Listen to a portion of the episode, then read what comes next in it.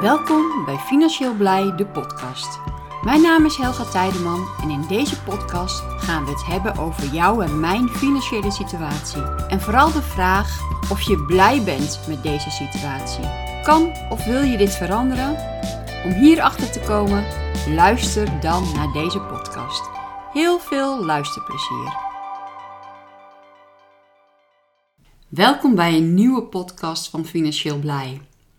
En vandaag gaan we toch nog maar eens even hebben over onze energierekening. We horen nu natuurlijk niets anders om ons heen dat we zoveel moeten gaan betalen. Dat onze termijnbedragen verdubbeld zijn en soms wel verdriedubbeld zijn. En dat ehm, eh, de meeste van ons het gewoon niet kunnen betalen. Nou, nu wil ik niet gaan hebben over ehm, de hoogte van je energiebedrag en het wel of niet kunnen betalen. En uh, of, of de overheid hier iets aan moet doen, ja of nee, dat laat ik allemaal even in het midden. Maar ik wil het vandaag hebben over wat jij er eventueel aan zou kunnen doen. En niet in de zin van bezuinigen. Uh, zorgen dat jij uh, minder energie gebruikt. Die tips die, uh, zijn al veelvuldig gedeeld op heel het internet. En die kan je makkelijk vinden. Maar ik wil het vandaag gaan hebben over je termijnbedrag. Je betaalt maandelijks een termijnbedrag aan je energieleverancier. En dat, ene, dat termijnbedrag dat is een, een voorschotbedrag. En dat is een eh, bedrag waarvan de energiemaatschappij denkt dat jij wel zoveel energie gaat gebruiken of verbruiken. En um, dat dit mogelijk het bedrag is wat daar tegenover staat. Als dat bedrag erg hoog is voor je en ehm, misschien ook wel in verhouding met wat je in andere jaren hebt betaald, zou je hier natuurlijk ook op een andere manier mee om kunnen gaan. Er zijn verschillende methodes om hiermee om te gaan en het ligt er natuurlijk ook aan uh, hoe ben jij uh, wat past er in jouw persoonlijke situatie en kan jij uh, hiermee omgaan, ja of nee? Elke maand, uh, we gaan ervan uit dat jij normaal gesproken altijd, um, neem we even als voorbeeld, 200 euro in de maand betaalde voor jou, als voorschot voor jouw energierekening. Nou, je hebt nu een nieuw voorschot gekregen en je moet 400 euro gaan betalen. Dat is 200 meer als je vorige voorschot. 200 euro is veel geld. En um, ja, in de meeste gezinnen blijft niet standaard 200 euro over.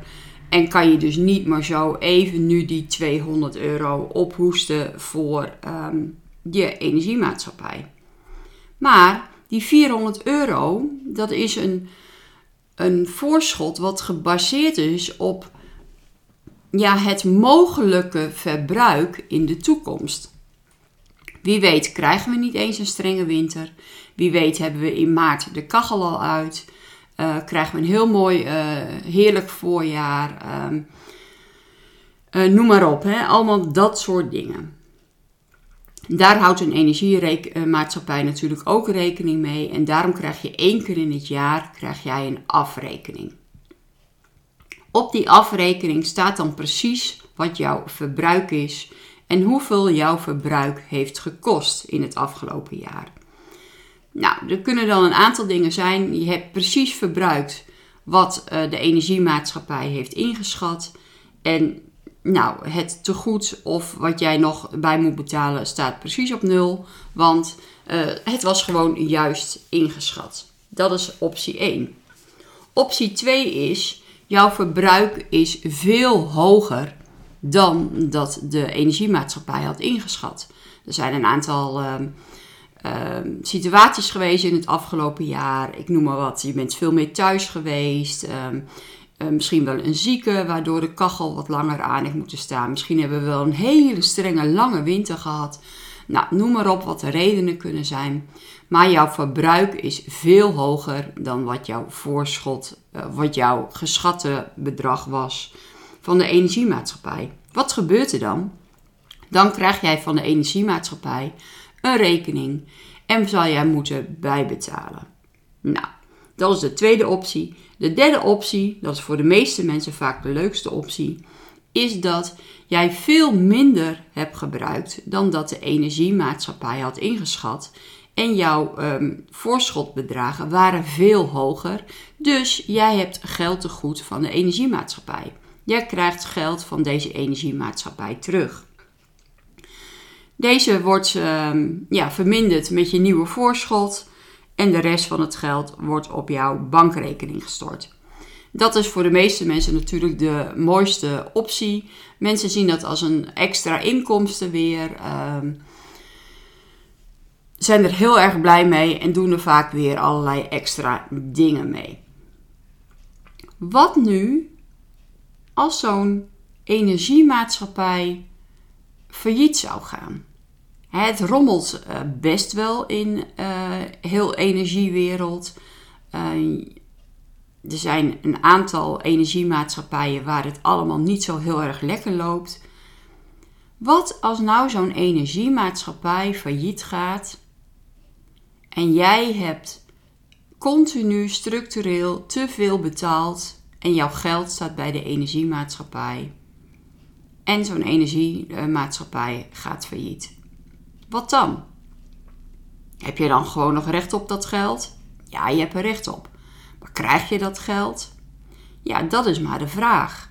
Je bent dan een schuldeiser van die energiemaatschappij en zal je moeten melden bij de curator dat jij nog geld te goed hebt van deze energiemaatschappij. Nou, ga er maar vanuit dat uh, je dat geld niet meer terug gaat zien, want zo'n energiemaatschappij is niet voor niets failliet gegaan. Maar goed, dat is een, een beetje een doemscenario. Maar dat is wel iets om in het achterhoofd te houden, want het kan gebeuren. Waarom zou je niet voor de volgende optie gaan? En um, even een side note: dit is echt niet voor iedereen geschikt. En waarom niet, dat zal ik straks uitleggen. Maar waarom zou je niet voor de volgende optie gaan? Je krijgt een um, verhoging van je termijnbedrag van de energiemaatschappij. En de, verhoging is, je gaat van 200 euro naar 400 euro. En je wilt deze verhoging niet. Je wil gewoon 200 euro blijven betalen. Je neemt contact op met de energiemaatschappij. Je regelt dat via de website of uh, je doet een telefoontje. En je, blijft, je wil gewoon 200 euro blijven betalen. Vaak zullen ze je dat niet um, adviseren. Dan gaan ze zeggen van, uh, maar weet hè, dat de energieprijzen hoger gaan. Uh, met 200 euro zult u moeten bijbetalen. En dan zeg je dat je daarvan bewust bent en dat je daarvan op de hoogte bent en dat je dat uh, meeneemt. En wat doe je dan met die andere 200 euro? Want een energiemaatschappij heeft natuurlijk wel de ervaringen met inschattingen met wat iemand wel of niet gebruikt.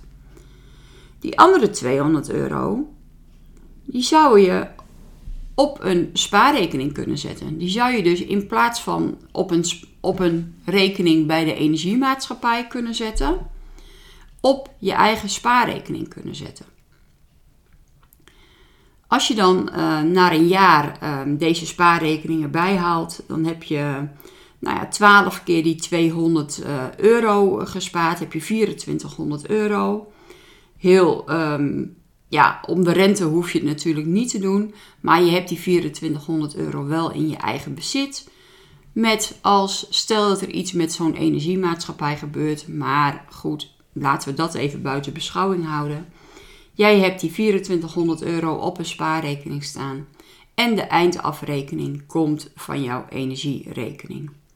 Nou, wat eigenlijk wel te verwachten was, is dat uh, de voorschot die je hebt betaald, die 200 euro per maand, was te laag.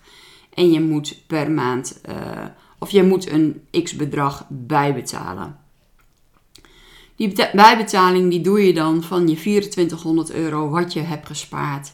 En je staat weer gelijk met jouw um, energiemaatschappij. Je hebt je rekening betaald en je kan weer verder naar het nieuwe jaar met een volgend termijnbedrag. En dit zou je natuurlijk keer op keer op deze manier kunnen doen. Je bent verplicht om uh, je energieleveraar uh, een maandelijks bedrag te betalen. Dus je kan niet zeggen: ik uh, wil dit één keer in het jaar gewoon achteraf betalen. Dat is niet mogelijk.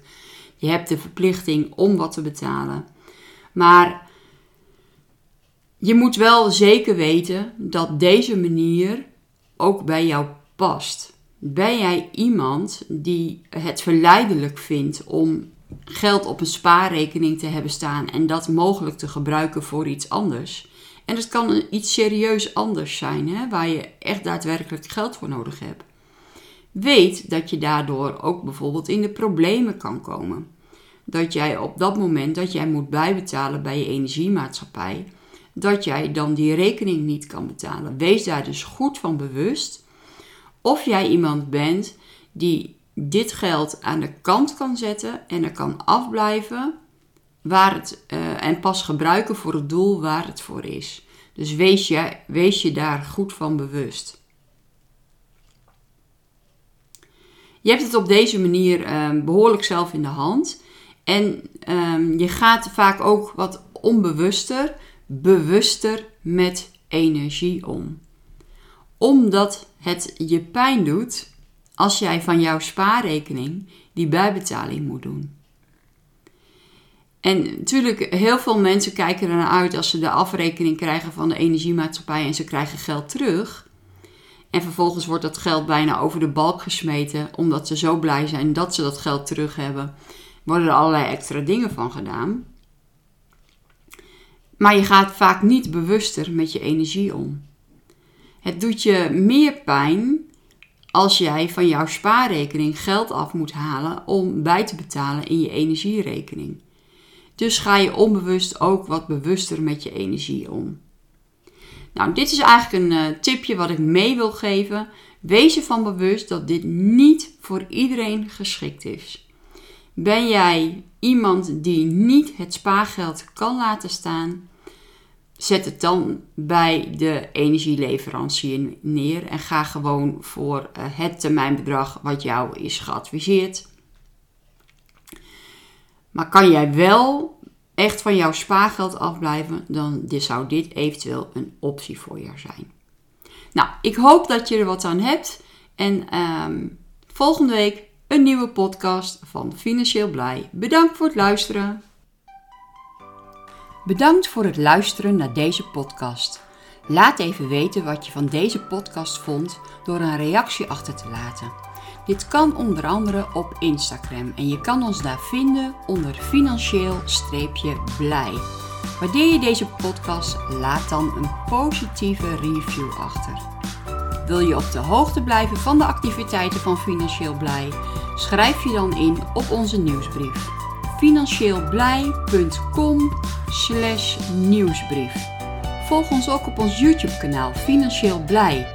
Laat ik iedere maandagochtend en donderdagavond zien hoe je geld kan verdienen met crypto. Bedankt voor het luisteren en tot de volgende podcast.